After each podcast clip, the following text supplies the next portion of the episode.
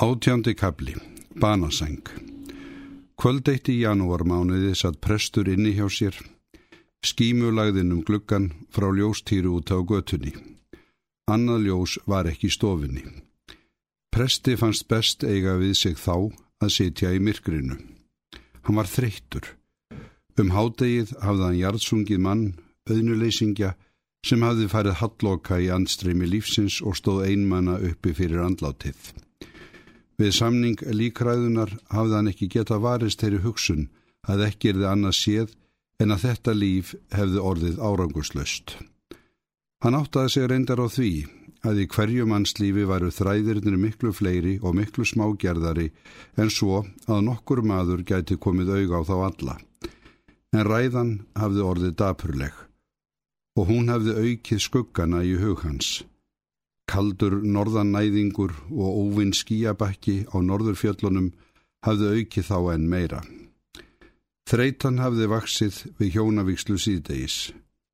Bót var það í máli að hún hafði farið fram í heimahúsum. Þjáningin hafði orði minni fyrir það. Það skiptið hafði prestur sloppi við það að sjá upp af hjúskaparins sett í fordildarsýningu og heyra kliðin af forvittnis áfergjunni innan um salmasöngin við orgelið og guðræknistal sjálfsans. En hann hafði talið sér skilt að vera gladur, fagna með fagnendum og það hafði orðið að áreinslu. Húsfreyja átti erindi inn til hans. Á ég ekki að kveikja? Nei, þakkaður fyrir. En sál hans fjekk ekki kvíld í myrkrinu. Var ekki að fara fyrir honum eitthvað líkt og manninum sem hann hafði verið að jarðum hádegið. Var hann ekki að fara að halloka? Ofureflið, ofureflið. Var það ekki alveg eins og hann hafði órað fyrir fyrstu nóttina? Var hann ekki að lemja höfðinu við steinin? Hver var árangurinn af þessu stríti? Jarðarfarir, hjónavíkslur, Hver myndi það á morgun sem hann hafði sagt í dag? Jarðarfarir manna sem hann hafði ekkert þekkt. Hjónavíkslur Karla og Kvenna sem letu hann vera að þylja yfir sér fyrir siðasækir. Nýlega afðan hirt sjómenn taluð um maðg í skipum. Var ekki öll sambúð hans við söpnuðin maðg smógin? Maðkarni smugun er því gegnum viðina í skipunum. Skipin urðu ónýtt og gáttu sokkið á hverju stundinni. Var þetta ekki allt saman maðgsmóið og ónýtt? Voru ekki allir menn í þessum bæ að hugsa um allt annað en það sem hann var að hugsa um? Var hann ekki að fara auðmustu erindisleisu? Eða verri en erindisleisu? Hvernig var um sigurlaugu? Hann hefði ætlað að gera henni góðverk. Allir sögðu að hún væri á hraðri ferð niður á við og voru ekki allar líkur til þess að þetta væri honum að kenna. Fjandskapurinn gegn honum var tröstur og óskattaður. Ekki þurft annað en að horfa hálsbrósið á vörunum og þorbirni í dag í kirkjunni til þess að vera ekki neinum vafum það. Var það ekki fjandskapurinn einn sem ekki var maðgsmógin? Vakti hann sjálfur engum eða engungu íllar hugsanir með starfsemi sinni? Algóður Guð hjálpi mér. Hvar var samræmið við sjálfan hann? Hvar var fylgið? Hvernig hafðu stúlkurnar reynst? Líka Ragnhildur. Líka Ragnhildur. Og myrkrið var svart utanum sál hans og hann langaði til að gráta. Gráta eins og barn, gráta sér í svefn og hann heyrði ekki vindin á hústækinu og ekki fjúkið á gluggarúðunum og ekki að barið var að dyrum. Húsfreyjan lauk upp hurðinni og komið þau skilaboð að hann var í beðin að koma inn í skuggakverfi til grímsalittla. Prestur hafði sagt Grímsa að hann mætti gera bóð eftir sér ef hann langaði til að hann kæmi, hann skildi koma ef hann gæti. Grímsi hafði gert það einu sinni án þess að nokkuð sérstakt hefði verið um að vera. Nú fannst presti ekki að hann geta farið. Nú var hann ekki færum að hugga aðra. Hann ætlaði að koma til hans á morgun. Var hann orðin vittlus? Fyrr mætti nú vera svik og hann flýtti sér í yfirfrakkan. Veðrið var hið versta, öskubilur á norðan. Hvar sem grilt í húsin voru þau orðin kvít eins og jöklar. Skablar voru komnir þar sem hann átti enga von á þeim. Hann stakst á höfuðið. Offsin var svo mikill að Ídla var stætt þar sem hann náði sér. Prestur hitt ekki um það. Hann var að hugsa um grímsa sem lág með dauðan í lungunum inn í óhreinu kotinu. Og hann var að hugsa um sjálfan sig sem hafði verið að kvart undan því að hann gæti yngu til vegar komið og ætlaði samstundis að svíkjast undan því að heimsækja döðvona smælingja. Yngibjörg tók á móti honum með miklum fagnæðarlátum. Guðminn álmáttugur, hvað þér eru fannbarinn? Ég verða að finna hnífgrélu til þess að skafa af yður. Prestur vildi fara fram í gangin til þess að losna við snjóin. Nei, ég held að það ger ekki mikið til þó að þetta færi hérna ofan í gólfið. Ekki er kvitt að velkja, sagði Yngibjörg og tók að skafa af mesta kappi. Hún létt dæluna ganga á meðan. Já, mikið er hvað þér eru góður við okkur, að þér skuli fara út í annaðins veður þegar þér þurfi kvorki að skýra niður þjónusta. Því segi ég það, mikill er munurinn á mönnunum. Þeir hefðu látið það vera prestarni sem hafa verið hér á undan yður. En vel er það gert að vitja um drengaræfilin minn. Hann hefur langað svo mikið til þess að þér kæmuð. Ég taldi það úr, Ég vissi að það er ekki annað en ómækið fyrir yður. En Grímsi sótti það svo fast og þá fekk ég mann hérna úr næsta húsi til þess að fara. Ég ætlaði ekki að geta ekkið honum út af því að honum þótti veðri svo vond. Þetta er sá einstakur balvaður draugur að þeir trúi því ekki. Og hann hefur ekki einu sinni fyltiður hingað aftur. Hann hefur auðvitað vilja nota ferðina úr því hann var komin ofan í bæ og hann að borð til þess að fá sér í staupinu. Firman og vera durgur. Það gerði mér ekkir til, meldi prestur. Ég var alveg innfærum að komast, ekki lengri leið. Er drengurinn yðar mikið lakari? Ég held að hann sé lakari. Hann segi sjálfur vera líkur, en hrygglan hefur aukist. Ingi Björg hafði nú skafið prest frá kvirli til Ilja. Prestur gekk að rúminu, lampi hekk á vegnum á mótið því en hann logaði ítla svo skuggsýnt var í herberginu. Samt þóttist prestur sjá að nú ætti grímsi skamt eftir. Andlitið var orðið enn rýrara en áður og augun eins og komin langt inn í höfuðið og hrygglan var stöðug. En fulla rænu hafði hann. Prestur settist við rúmið, hendur grímsa lágu báðar ofan á rúmfötunum. Prestur tók aðra þeirra og hjælt utanum hana með báðum höndum. Mér langar svo til að þakka yður fyrir mig, sagði Grímsi. Ertu mikið lakari, sagði prestur. Nei, mér er bara svo þungt fyrir brjóstunu og svo er ég svo þreyttur.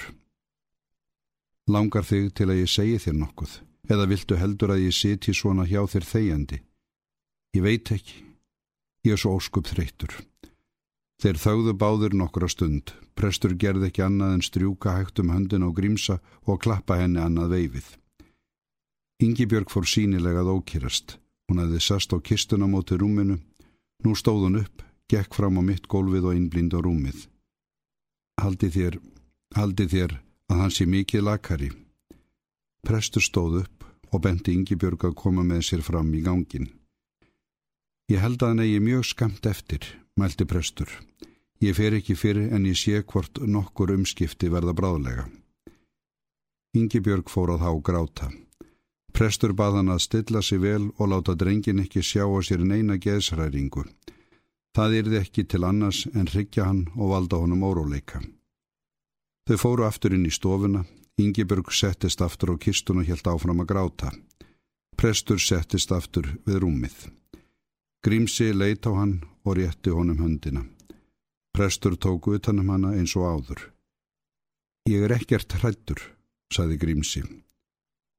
Prestur sagði að ekkert værað óttast, Guðs föðurhönd næði til allra, en hrygglan fyrir brjóstin og Grímsa fannst honum læsa sig um hverja taug í líkama sínum og bylurinn söng ömurlega á kofaþækjunu og Yngibjörg grét hátt á kistunni. Haldi þér Haldið þér, saði Grímsi eftir dálitla þögn, en komst ekki lengur um stund vegna hóstakviðu. Þegar henni létti kom niður lagið að nokkur sé haldur í öðru lífi. Prestur þvernætaði því að það geti komið til nokkur að mála. Lífið í rúminu var sínilega óðum að fjara út. Hrygglan ágerðist, stormurinn líka. gráturinn sömu leiðis. Presturinn reyndi að loka eirunum fyrir þeim samsöng dauðans og kuldans og sorgarinnar og að verða grímsa samferða í huganum inn í sumarland eilíðarinnar. En hvað allt er orðið hljótt, sagði grímsi, og eitthvað svo skemmtilegt.